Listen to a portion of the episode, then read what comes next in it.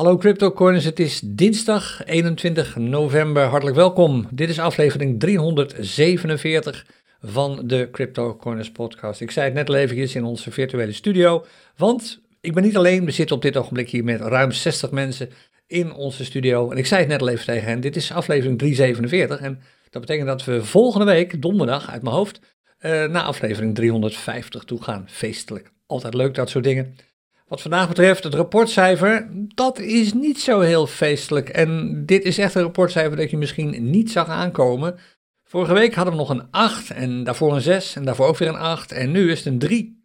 En is dat een voorbode van uh, slechter nieuws? Het zou kunnen. Hoe komt het? Dat ga je zo meteen zien. Blijft dit zo? Ook dat ga je zo meteen min of meer zien. Even goed blijft de verwachting natuurlijk. Breken we deze week eindelijk een keertje door die 38.000 dollar heen. Of dat zo is, dat gaan we straks eventjes zien als we de charts erbij pakken, want die vertellen ons heel veel wat dat betreft. Maar voordat we dat doen, heb ik zoals gewoonlijk altijd eventjes wat nieuwsitems. Een, een hele bak vol met intern nieuws zie ik hier, wat is aangeleverd. Uh, laten we het allemaal even afgaan. Allereerst, uh, oh ja, dat was leuk. Gisteren, uh, maandag, de 20ste, om 10 uur s ochtends hebben we de eerste editie gedaan van onze Crypto Coiners Challenge Roundup. En als je afvraagt wat dat nou weer allemaal precies was, is een livestream met uh, Kevan en mij en voorgezeten door en gepresenteerd door Daan. Eh, waarin we um, met elkaar hebben gepraat over de voortgang van onze Crypto Coins Challenge. Waarin we uh, begonnen zijn met 10.000 dollar en daar een heel hoog bedrag van gaan maken. Zoals je ongetwijfeld weet als je de challenge volgt. Um, de opname is inmiddels ook beschikbaar. En als je die wilt terugkijken, dan kun je dat doen via www.cryptocoins.nl slash ehm, roundup. Dat is de korte link. En we doen dit niet elke week. We doen het in principe, ik denk één keer in de twee weken of zo. Tenzij er genoeg informatie is om het vaker te doen. Dan doen we het misschien wel één keer in de week. Maar in principe elke twee weken, of vaker als nodig is, kijken we even terug op de laatste ontwikkelingen bij de Crypto Coins Challenge. En daar kom ik zo meteen in de podcast natuurlijk ook nog heel eventjes op terug. Dan, het wordt weer Black Friday, aanstaande vrijdag. Als je CryptoCoins kent, dan weet je dat wij niet meedoen aan die um, toestand dat Black Friday een week duurt of een maand duurt. Inmiddels, ik zag op 1 november al Black Friday aanbiedingen voorbij komen. Dat is niet wat CryptoCoins doet. We hebben eigenlijk gezegd Black Friday is Black Friday. En dat betekent op Black Friday zelf, aanstaande vrijdag, dan branden we weer los met een aantal aanbiedingen. En ik heb begrepen dat het nog nooit zoveel aanbiedingen zijn geweest als dit jaar. En het kan zijn, en daarom heb ik het er nu even met je over, dat een aantal van die aanbiedingen snel is uitverkocht. Dat is vorig jaar ook gebeurd, het jaar daarvoor ook. Als je absoluut wilt voorkomen dat je de boot mist uh, bij één of meer van die aanbiedingen, dan raad ik je aan om je even in te schrijven voor de Crypto Coins Black Friday Priority Pass, net zoals we dat vorig jaar ook hadden. En het jaar daarvoor volgens mij trouwens ook al. En om je aan te melden, eh, het, wat er gebeurt is het volgende, je krijgt een virtuele pas die geeft je voorrang bij de aanbiedingen. Dat betekent dat je uh, eerder dan uh, mensen zonder Priority Pass al van zo'n aanbieding gebruik kunt maken. En de link om aan zo'n Priority Pass te komen is www.cryptocoiners.nl slash Black Friday. De link staat nu ook in beeld als je dit trouwens op uh, YouTube meekijkt. Dus dat raad ik je absoluut aan om te doen. Er is ook maar een beperkt aantal priority passes beschikbaar om te zorgen dat even goed sommige van de dingen die we gaan aanbieden niet uitverkocht zijn. Dus ik zou zorgen, regel dat snel eventjes. Als je deze podcast hoort, ben je waarschijnlijk een van de eerste die het weet, want de link staat volgens mij pas net online. Uh, ga even naar www.cryptocoins.nl slash Black Friday. Je zit nergens aan vast, je hoeft niks te kopen voor die uh, Priority Pass. Dan ga je ook niet spammen of iets dergelijks. Alleen op Black Friday zelf krijg je een aantal mailtjes, waar je ook meteen weer voor kunt uitschrijven als je het zat bent, uh, met links naar de aanbiedingen. Eerder dus dan dat niet Priority Pass houders ze krijgen. En daarna is het gewoon voorbij, dan gaan we je helemaal niet meer spammen. Dat wat Black Friday betreft. We beginnen aanstaande vrijdag en we eindigen ook aanstaande vrijdag. We doen niet in het weekend, we doen het ook niet op Cyber Monday, dat soort dingen. Hebben we eigenlijk nog nooit gedaan. Dat gaan we nu ook niet doen.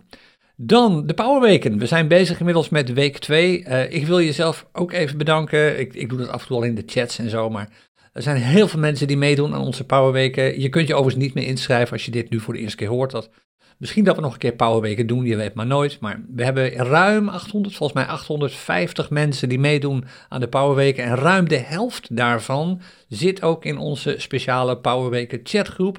Ik heb het aantal niet precies uh, voor me, maar volgens mij zijn het ruim 400, 450 zelfs. Uh, die vrolijk meechatten over alles wat ze tijdens de powerweken allemaal te zien en te horen krijgen.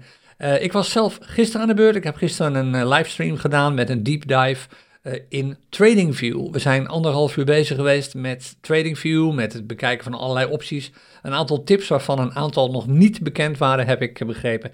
En we hebben zelfs een Pine script geschreven, onze eigen indicator gemaakt.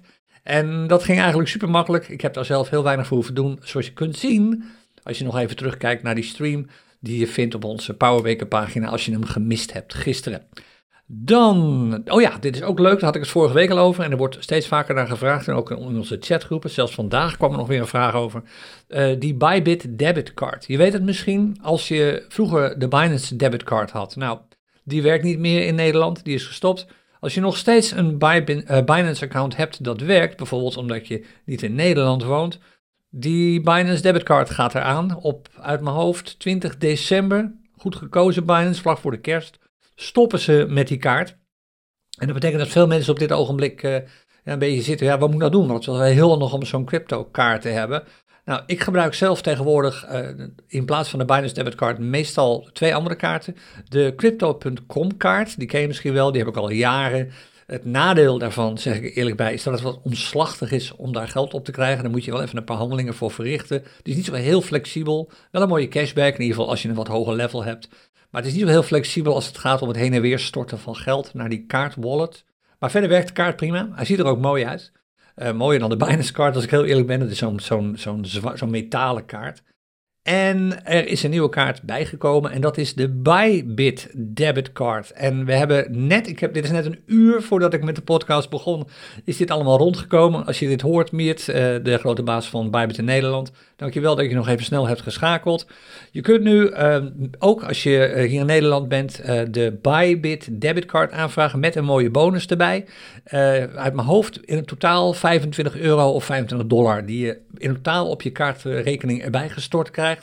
Uh, altijd leuk, dat soort dingetjes. Wil je daar meer over lezen? Het enige wat je hoeft te doen is even naar www.cryptocoiners.nl slash bybitcard te gaan. Ook de link staat in beeld nu. Uh, ik zeg even bij, uh, in het kader van full disclosure, ook CryptoCoiners wordt hier niet slechter van. Het is een, een soort gemeenschappelijke deal. Jij hebt er wat meer aan, dat is alleen maar goed. En misschien vind je het interessant. Dus als je een Bybit debitcard wilt aanvragen, dat kun je doen als je al Bybit lid bent. Maar ook als je geen Bybit lid bent, doe het dan via deze link cryptocoins.nl slash Bybitcard. Heel belangrijk, dat moest ik even bijzetten eh, van Bybit, of bijzeggen van Bybit. Je moet dit doen op de internationale site, dus niet op de Nederlandse site. Lid worden kun je ook op de Nederlandse site, maar het feitelijk aanvragen van die debitcard, dat moet je even op de internationale site doen. Heb je hier vragen over? Stel ze dan gewoon even in onze chatgroep. Nou, tot zover volgens mij wel het nieuws. Ik heb trouwens begrepen dat donderdagavond, maar ik weet niet helemaal zeker of dat klopt, er geen CryptoCoins Clubhuis is. Dus als je daarop had gerekend, dat gaat niet door. Maar in plaats daarvan zijn er ongelooflijk veel andere livestreams, zoals je natuurlijk weet, in verband met de Powerweken. Er komen er nog heel wat op je af uh, deze week. Dan het nieuws van buitenaf. Uh, allereerst Bittrex. Misschien ken je Bittrex nog wel. Als je wat langer bij CryptoCoins zit, dan ken je ze zeker. Want wij hebben vroeger daadwerkelijk gehandeld op Bittrex. Uh, via, dat was toen nog een trading app, een trading uh, tool. Tegenwoordig gebruiken we Hypertrader en AllTrady. Vroeger gebruikte ik Coinergy daarvoor. En ik trade toen op Bybit met een andere strategie dan we nu gebruiken. Maar uh, ik trade op Bybit, op Bittrex bedoel ik, met een andere strategie dan we nu gebruiken. Alleen Bittrex is er in Amerika eigenlijk min of meer gedwongen mee gestopt. Die hebben uh, uitstel van betaling aangevraagd. Technisch gezien is die club eigenlijk gewoon failliet. Al schijnen ze dat netjes te gaan afhandelen. En ja, het was een kwestie van wachten en nu is het dan eindelijk zover. Ook in Europa is het voorbij met Bittrex, want Bittrex Global stopt er ook mee. Als je daar nog geld hebt staan, zou ik zeggen, haal het eraf, zo snel als je maar kunt.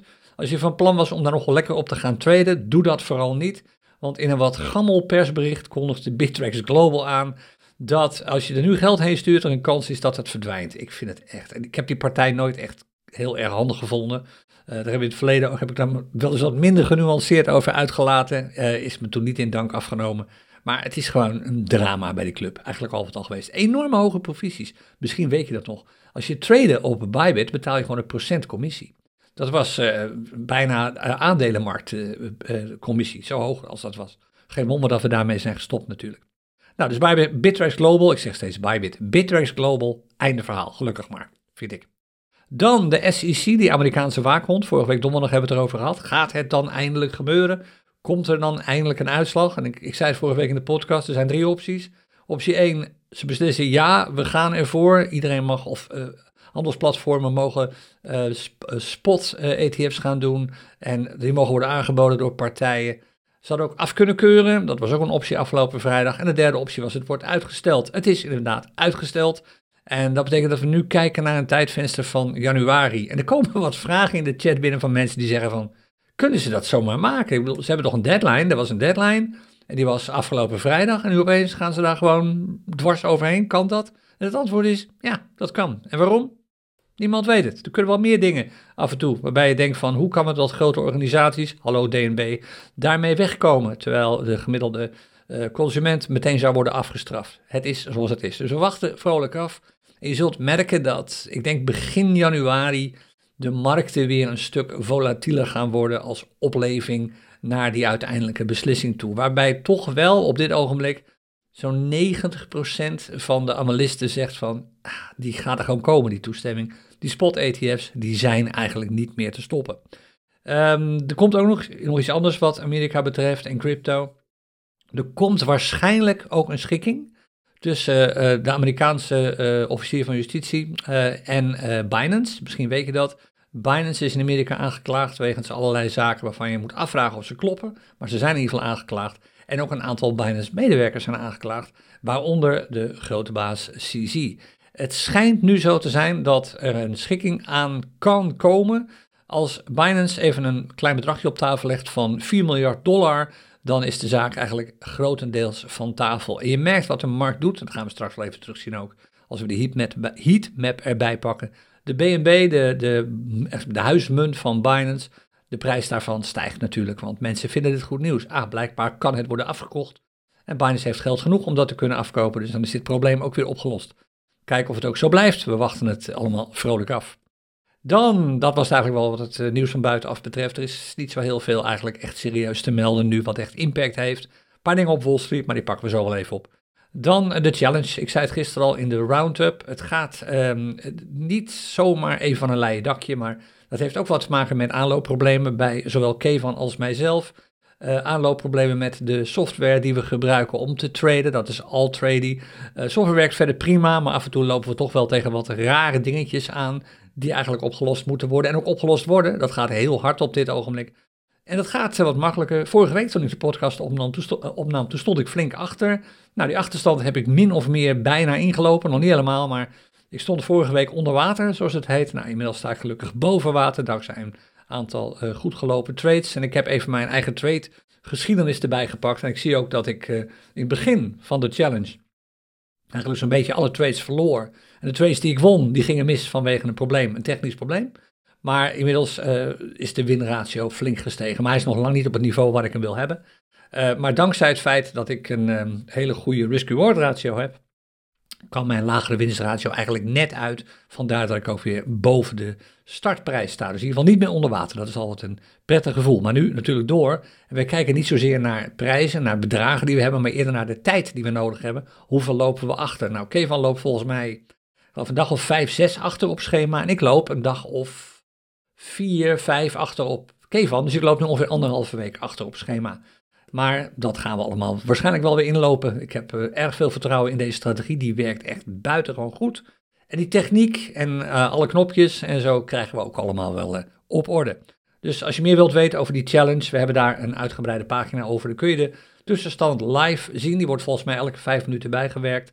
En je kunt ook met ons chatten, kijken naar de trades die we plaatsen of die we hebben geplaatst. Hoe dat is gelopen. Zowel Kevin als ik geven regelmatig samenvattingen van hoe het loopt, wat we allemaal hebben meegemaakt. En ik heb dus eh, net gezegd, we doen eens in zoveel tijd die roundups, waarin we praten via een livestream over wat we allemaal tegenkomen. Nou, tot zover. Dat was een We gaan naar de charts.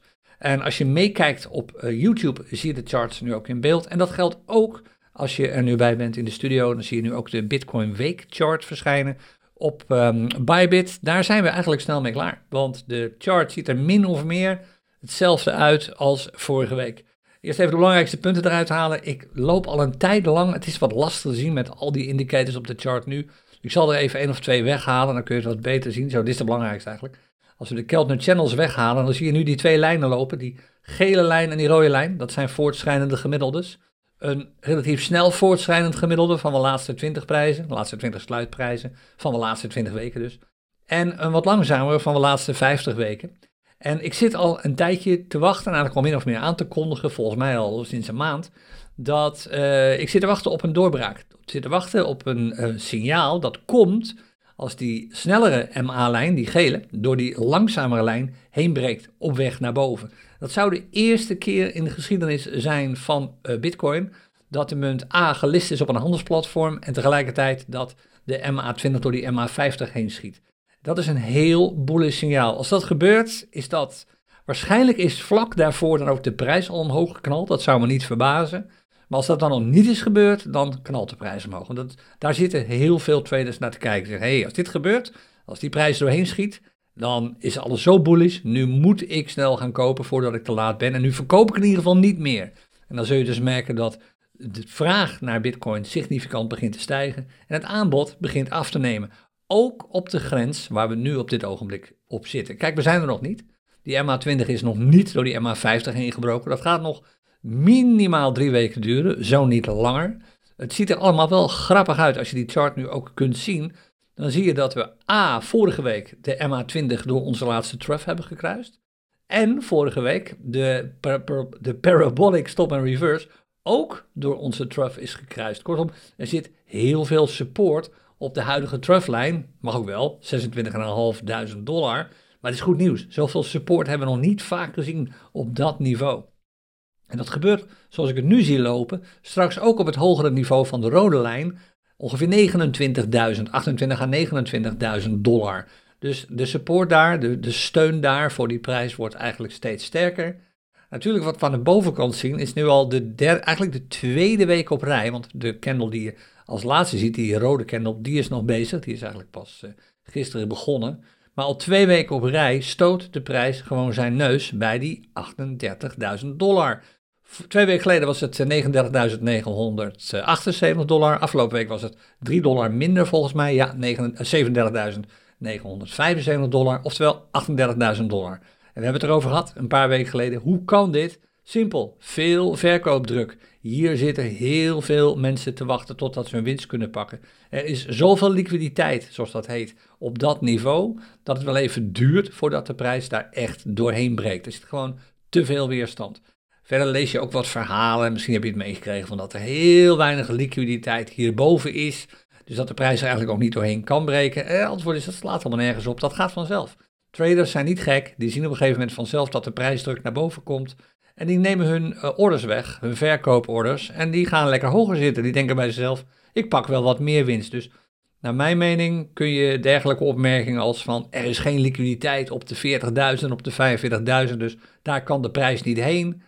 Naar mijn mening kun je die, die, eh, die meningen gewoon weggooien. Dat is in de praktijk nog nooit uh, is dat zichtbaar geworden en heeft dat ergens toe geleid. Dergelijke, tussen aanhalingstekens, voorspellingen. Nou, gaan we er dan doorheen, door die 38.000 deze week? Het, als je naar de weekchart kijkt, zou je zeggen van nou, hoeft niet, want we hebben pas twee keer die weerstandslijn bereikt. Dat is twee aanrakingen, dat is niet zo heel veel. Misschien zegt de dagchart ons daar wat meer over. Kijk, die lijn kun je trekken hier naar boven. Die wordt steeds eh, de afstand tussen de bovenkant van de prijs en de onderkant, de loos van de prijs, die wordt steeds kleiner.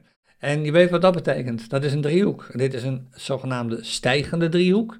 En een stijgende driehoek in een bullish trend, en we zitten op dit ogenblik in een bullish trend voor de Bitcoin-markt, duidt in, ik geloof daar is laatste keer onderzoek naar gedaan, ik geloof in 85 tot 90 procent van de gevallen wijst dat op een bullish uitbraak. Dus als je deze chart zou moeten geloven, en ik zal die stippenlijn hier even weghalen, want we weten inmiddels wel waar de weerstand zit. Als je deze chart zou moeten geloven, is het een kwestie van tijd. Waarschijnlijk deze week al, anders misschien uiterlijk volgende week eigenlijk, voordat de prijs door die 38.000 dollar heen breekt. Ik zet daar zwaar op in. Ik ga ervan uit dat we inderdaad uh, de bodem nu wel in ieder geval voorlopig hebben gezien, tenzij er waanzinnig slecht nieuws zou komen uit uh, de, de futures, uh, het spotverhaal, het spot ETF verhaal van de SEC dat zou wat eh, roet in het eten kunnen gooien, maar dat gaat niet over bitcoin. Hè? Het gaat over een beslissing van een paar mensen met grote ego's. De bitcoin blijft op zich zo waardevol als hij is. De prijs ervan heeft niks te maken. We krijgen natuurlijk nog een aantal dingen ook die dat gaan bevestigen. De prijs daarvan heeft niks te maken met de waarde ervan. Volgend jaar de halving, die gaat ook weer een hoop sentiment opleveren. Daar beginnen de nu al over te praten. Oh, binnenkort de halving, dat gaat wat doen met de prijs. Wij maken ons er zelf ook schuldig aan. Ook wij verwachten natuurlijk wel het een en ander. Maar het allerbelangrijkste wat ik hier kan zien op basis van deze dagchart, is dat we omhoog gaan. Ik bedoel, de onderkant wordt steeds ehm, eh, minder laag. De bovenkant blijft gelijk. Dat is druk. Omdat het een bullish chart is, druk naar boven toe. En ik verwacht volgende week uiterlijk een, misschien deze week wel, maar anders, uiterlijk volgende week, een serieuze doorbraak van die 38.000.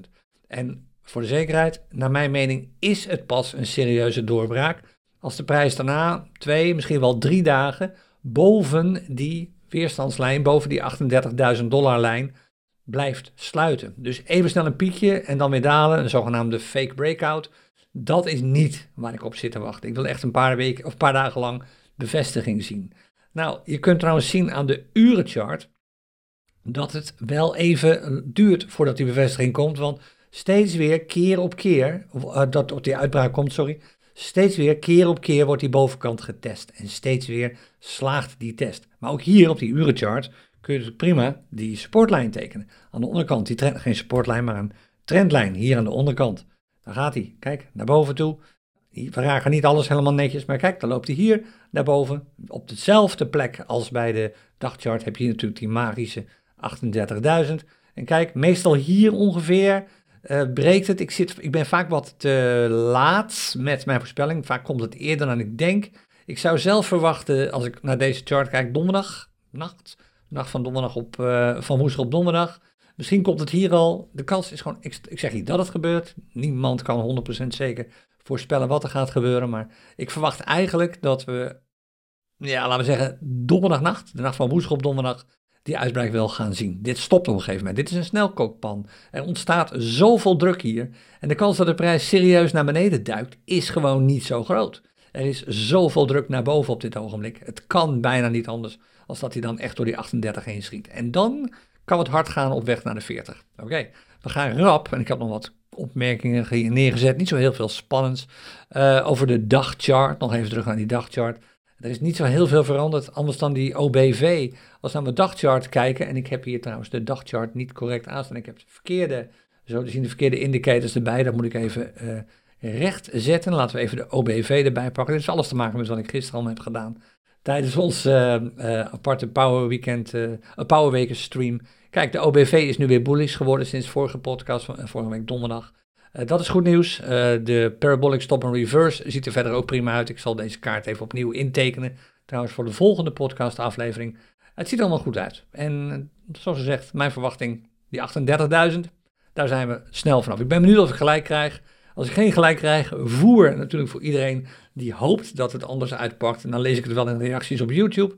Maar ik ga ervan uit dat dit eigenlijk niet anders kan. Die mening wordt door heel veel analisten trouwens ook wel gedeeld. Dan maar even snel goud. Hoe gaat het met goud? Ja, dat zet door. Hè. We zitten technisch gezien nog steeds in een... Het hangt even vanaf hoe je die chart bekijkt. Als je hem technisch bekijkt, zou je kunnen zeggen de chart is nog bearish. Want we hebben een, een trough gehad uh, op uh, eh, 1 november, echt de eerste woensdag van de maand. Uh, die vervolgens door een lagere trough werd gepasseerd op 13 november. Maar ja, dan zoom je wel heel erg in op de chart. Als je een beetje uitzoomt, dan kan het niet anders dan dat je denkt van oké, kijk eens even aan, een dikke trough op 6 oktober. Daarna een piek die hoger was dan de vorige. Daarna weer een trough en daarna misschien alweer een piek die hoger wordt. Als we door de, 20, de 2000 heen schieten, 2010 dollar, die kans is realistisch dat dat gebeurt, um, dan is de goudchart definitief weer bullish. En dan gaan we eindelijk serieus op weg naar die all-time high van uh, bijna 2100 dollar, 2081. Dat is die gele lijn die je ziet als je meekijkt. Trouwens, wat dat betreft, eh, hoe kan dit? Want de, een stijgende goudprijs en een stijgende bitcoinprijs duiden over het algemeen op onzekerheid en angst in de traditionele markten, in de aandelenmarkten. En als we de aandelenmarkten erbij pakken door even te kijken naar het eh, sentiment op Wall Street, dan zie je iets verbazingwekkends. En dit is echt naar mij totaal, totaal van het padje hier. Kijk, twee weken geleden hadden we hier nog te maken met angst. Vier weken geleden, dat was echt uh, uh, oktober, uh, eind oktober, hadden we te maken met extreme angst.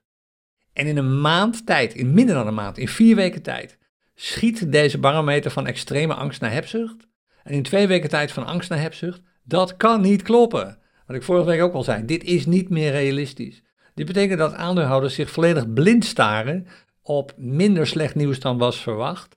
En op een paar positieve dingen. Zoals bijvoorbeeld de enorme koersstijging van alles wat met uh, alle bedrijven die wat met AI doen. Zoals Microsoft op dit moment bijvoorbeeld. En een paar andere uh, grote jongens. Maar het is gewoon nog steeds beroerd in de wereld. Het is ook nog steeds beroerd in Amerika. Die financiële crisis in Amerika, die begint pas. Die is echt niet voorbij hoor. Het is een kwestie van tijd voordat we weer informatie krijgen over een of andere bank die aan het omvallen is. We hebben nog een enorm grote um, olifant in een kast zitten ergens in China. Heeft iets te maken met een groot onroerend goedbedrijf. Evergrande, kwestie van tijd voordat die echt helemaal omvallen. Er heerst een zware economische crisis in de wereld, die elke consument merkt, ook in Amerika. Die uh, consumenten merken het heel erg. De druk wordt nog steeds groter, maar de druk stijgt niet meer zo snel. Maar het feit dat de financiële druk bij de consument minder snel stijgt, betekent niet dat die daalt. En dat betekent gewoon heel simpel Mensen hebben steeds minder geld te besteden. En als mensen steeds minder geld te besteden hebben, gaan ze steeds minder kopen. En als mensen steeds minder kopen, dan zijn er voor bedrijven niet zoveel redenen meer om veel te produceren. En dan gaan die bedrijven minder winst maken. En dit gebeurt nu al en dit zal blijven gebeuren. Dus leuk voor een aantal optimisten dat dit er nu allemaal even positief uitziet. Ik geloof hier werkelijk helemaal niets van. En we gaan in de praktijk wel zien hoe dit uitpakt. Het zou me echt verbazen als dit opeens, als we nu opeens alleen maar extreme greed gaan zien voor drie maanden of zo. Als we binnen een maand, binnen vier weken, van extreme fear naar greed kunnen komen, dan kunnen we ook binnen vier weken van greed weer naar extreme fear terug.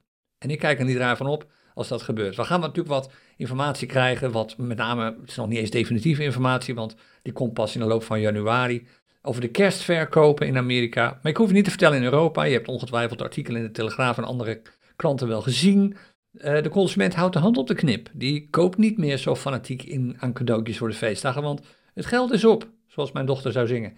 En als dat zo is, dan weet je gewoon dat dat in andere landen ook zo is, waar de economie misschien er nog wel beroerder voor staat dan bij ons. Dus ik geloof er niet al te zeer in. En het verklaart waarom de goudprijs blijft stijgen, terwijl de aandelenprijzen, een paar daarvan, ook stijgen. Omdat de wat meer doordenkende belegger weet dat hij niet in aandelen kan stappen die stapt in plaats daarvan gewoon in dingen die meer zekerheid bieden, zoals goud en wellicht ook al een beetje bitcoin. Overigens las ik een, een mooie opmerking nog over bitcoin, dat er uh, eh, 100 miljard beschikbaar ligt bij institutionele beleggers om via ETF's, als die dus worden goedgekeurd, in te stappen in bitcoin. En je kunt zelf het rekensommetje maken. Je kijkt naar de huidige market cap van uh, bitcoin, dat is een leuk bruggetje naar de heatmap. Je kijkt naar de huidige market cap van, van Bitcoin. Uh, en daar tel je 20% bij op. Dan weet je ongeveer wat de prijs van Bitcoin zou moeten worden. Even heel snel doorgerekend. Ja, dan kom je uit op een prijs van ongeveer 50.000. Vrij snel. Binnen een maand, well, misschien anderhalve maand. Als die ETF's worden goedgekeurd. Want dat geld ligt gewoon te wachten. Er komt nog eens een keer bij natuurlijk dat het vraag- en aanbodverhaal blijft. Dat zou zo zijn als het aanbod lineair gespreid ligt over die hogere bedragen. Dat is natuurlijk niet zo. Op het moment dat mensen die nu Bitcoin hebben merken dat er kapers op de kust zijn, mensen die graag Bitcoin willen kopen, een aantal ervan zal winst gaan nemen van de mensen die nu Bitcoin hebben. Een aantal mensen zeggen: Weet je wat, ik hou het lekker vast, want nu wordt het pas echt leuk. En dat verklaart dat analisten zeggen: van oké, de prijs staat nu op uh, eh, 38.000 ongeveer. Die stijgt zomaar even door naar de 60, 70. Op het moment dat zo'n ETF wordt goedgekeurd. Want er komt zoveel koopdruk vanuit de markt en niet alle bitcoins die nodig zijn om die ETF's te kunnen dekken, zijn al ingekocht. Miners kunnen het niet eens aan op dit ogenblik. Eigenlijk is het zo, als een miner bitcoin heeft gemined, dan staat de eerste beste grote partij al te wachten om die bitcoins van ze over te nemen voor een mooie prijs. Dat gebeurt allemaal onder de toonbank, zoals het heet. Daar zien wij niks van uh, op de handelsplatformen. Maar de prijzen die worden betaald door dergelijke partijen zijn veel hoger dan de prijzen die jij en ik voor Bitcoin betalen op een handelsplatform. Denk daar eens over na. De prijs die een belegger, een grote partij, betaalt voor Bitcoin op dit ogenblik onder de toonbank ligt veel hoger, zit vaak wel 40, 50 procent opslag op, dan de prijs die op een handelsplatform wordt betaald. Waarom doen ze dat dan toch? Omdat ze de markt niet willen beïnvloeden. Dat is een raar spelletje. Het is lastig uit te leggen in een paar minuten hoe dat werkt, maar dat is zoals het werkt. Nou, dan de heatmap. Hoe staat hij ervoor op dit ogenblik? Dit verklaart natuurlijk een flinke daling in het rapportcijfer.